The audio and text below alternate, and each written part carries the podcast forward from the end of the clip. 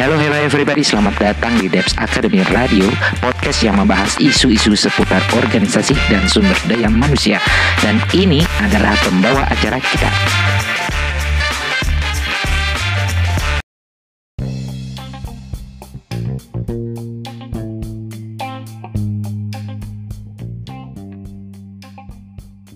Halo, halo, halo profesional muda di mana pun Anda berada Apa kabarnya hari ini? Selamat pagi, selamat siang, selamat sore, dan selamat malam Semoga Anda terus memiliki produktivitas yang tinggi Dan terus kreatif di mana pun Anda berada Ya, di episode ini kita akan membahas tentang pentingnya memahami inner child apa sih inner child itu? Begini gambarannya. Ada seorang ibu yang sedang mengalami kekerasan dalam rumah tangga. Kemudian ada wartawan yang nanya sama ibu tersebut tentang alasan ia mempertahankan rumah tangganya. Si ibu berkata, "Saya tidak ingin anak-anak saya tidak memiliki bapak jika besar nanti." Suatu kondisi yang tidak pernah diduga di mana dunia saat ini sedang perhatian ya, sangat-sangat perhatian pada tindakan kekerasan. Dan setelah dilakukan penelitian lebih dalam terhadap kejiwaan sang ibu tersebut, ditemukan bahwa si ibu pernah mengalami masa-masa kecil tanpa seorang ayah. Pengalamannya inilah yang tanpa disadari muncul kembali ketika sang ibu menghadapi situasi yang membuatnya mengingat kembali apa yang pernah dialaminya sejak kecil. Kondisi inilah yang kemudian dikenal sebagai inner child.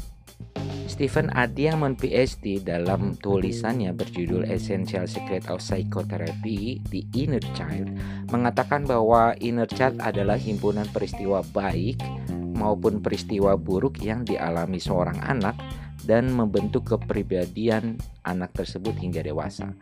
Pengalaman ini merupakan pengalaman masa lalu yang tidak atau belum terselesaikan dengan baik. Inner child sebenarnya adalah sebuah konsep yang menggambarkan sifat dan sikap kekanak-kanakan yang mungkin dimiliki oleh setiap orang. Masing-masing individu memiliki inner child yang berbeda-beda Kondisi ini terbentuk dari pengalaman saat kita masih anak-anak. Inner child juga bisa digambarkan sebagai bagian dalam diri kita yang tidak ikut tumbuh dewasa dan tetap menjadi anak-anak. Hal ini berarti bagian ini terus menetap dan bersembunyi di dalam diri kita. Bagian ini menggenggam erat setiap ingatan dan emosi yang pernah kita alami saat masih kecil, baik itu pengalaman yang indah maupun pengalaman yang pahit. Orang dewasa dapat memiliki berbagai macam kondisi tersebut yang dihasilkan oleh pengalaman positif maupun pengalaman negatif, seperti motivasi alam bawah sadar. Hal ini muncul dalam bentuk perilaku atau keadaan emosi yang tidak disadari. Sebagai contoh, pengalaman dipermalukan di depan umum. Peristiwa ini dapat terus tinggal dalam diri kita untuk waktu yang lama dan ketika kita menghadapi situasi yang mendorong peristiwa itu muncul kembali, maka tanpa disadari kejadian itu dapat timbul kembali ke permukaan. Ya, inner child dalam bentuk positif maupun dalam bentuk negatif tentunya akan mempengaruhi komunikasi atau hubungan antar individu. Cara kita berhubungan dengan pasangan misalnya. Pengalaman diabaikan oleh orang yang kita kasih atau kita cintai sangat mungkin mempengaruhi kedekatan kita dengan orang lain tersebut.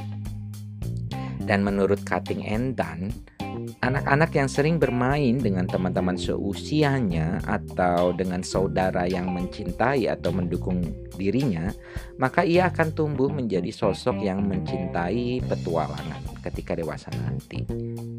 Mereka juga cenderung memiliki kemampuan bersosialisasi yang lebih baik. Hal ini karena mereka lebih menyadari pentingnya bekerja sama dan berbagi kasih sayang kepada orang lain. Dan tak hanya dalam pergaulan, hubungan dengan orang tua juga dapat mempengaruhi bagaimana seseorang menjalin hubungan dengan orang lain. Orang tua yang selalu menanyakan kabar dan perasaan anaknya setiap hari akan mendorong anak tersebut untuk lebih peduli kepada kondisi teman-temannya dan lebih memahami kondisi emosionalnya sendiri. Salah satu ciri inner child di dalam diri seseorang apakah dia terluka atau tidak adalah bagaimana seseorang itu memandang dunianya. Jika individu tersebut merasa bahwa dunia itu tidak aman baginya, maka itu berarti bahwa ia dimungkinkan memiliki trauma atau pengalaman pahit di masa kecil yang mendalam dan melukai inner child-nya. Sementara itu, pengalaman yang positif, yang indah ya dalam inner child seseorang akan membawa seseorang tersebut pada kepribadian yang positif seperti antusias, kreatif, fokus, ya, energik dan memiliki keingintahuan yang besar ya. Nah, ini ada nih tulisan dari Khosyatul Hamidah ya dalam penelitiannya di tahun 2021 ia mengelompokkan kesadaran inner child dalam komunikasi interpersonal itu menjadi tiga bagian. Bagian per yang pertama, kesadaran akan inner child yang buruk akan melahirkan respon yang buruk dalam interaksi. Respon yang buruk ini muncul karena seseorang tersebut belum mampu mengolahnya. Nah, bagian yang kedua, kesadaran akan inner child positif akan melahirkan respon yang positif dalam interaksi. Bagian yang terakhir, kesadaran akan inner child yang buruk yang dapat diolahnya akan melahirkan respon yang baik dalam interaksi. Untuk itu penting bagi setiap orang agar dapat memahami inner child dalam dalam dirinya ya.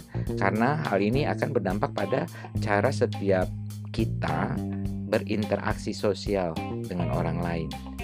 Ya. Dan dampak inner child itu dapat beragam Keragaman ini tergantung pada konteks masing-masing orang dan dampak yang paling sering muncul ya melalui emosi yang pada akhirnya tampak pada perilaku yang ditampilkan di depan orang lain. Nah, dengan memahami inner child, maka kita akan dapat lebih mengenal diri kita sendiri dan paham alarm pada tubuh kita ketika menghadapi situasi yang sama. Kita juga dapat mengendalikan reaksi emosi negatif ketika menghadapi tekanan. Ketika pada berada di lingkungan sosial, ya kita dapat berperilaku positif dalam berinteraksi dan berkomunikasi dengan orang lain. Dan ketika kita sedang menghadapi tekanan, kita akan mampu mengendalikan perilaku sesuai dengan tekanan yang kita alami pada saat itu.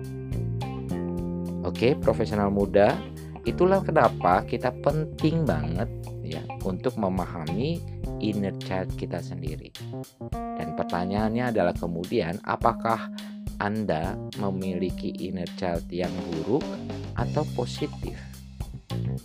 Dan jika teman-teman memiliki inner child yang buruk, apakah teman-teman sudah mengolahnya dengan baik? Oke, demikian episode kali ini dan kita akan ketemu lagi di episode selanjutnya. Jangan lupa di-share ya, jangan lupa dikasih bintang di Spotify kita atau di YouTube kita dan sampai jumpa di episode berikutnya. Salam Debs. Bye.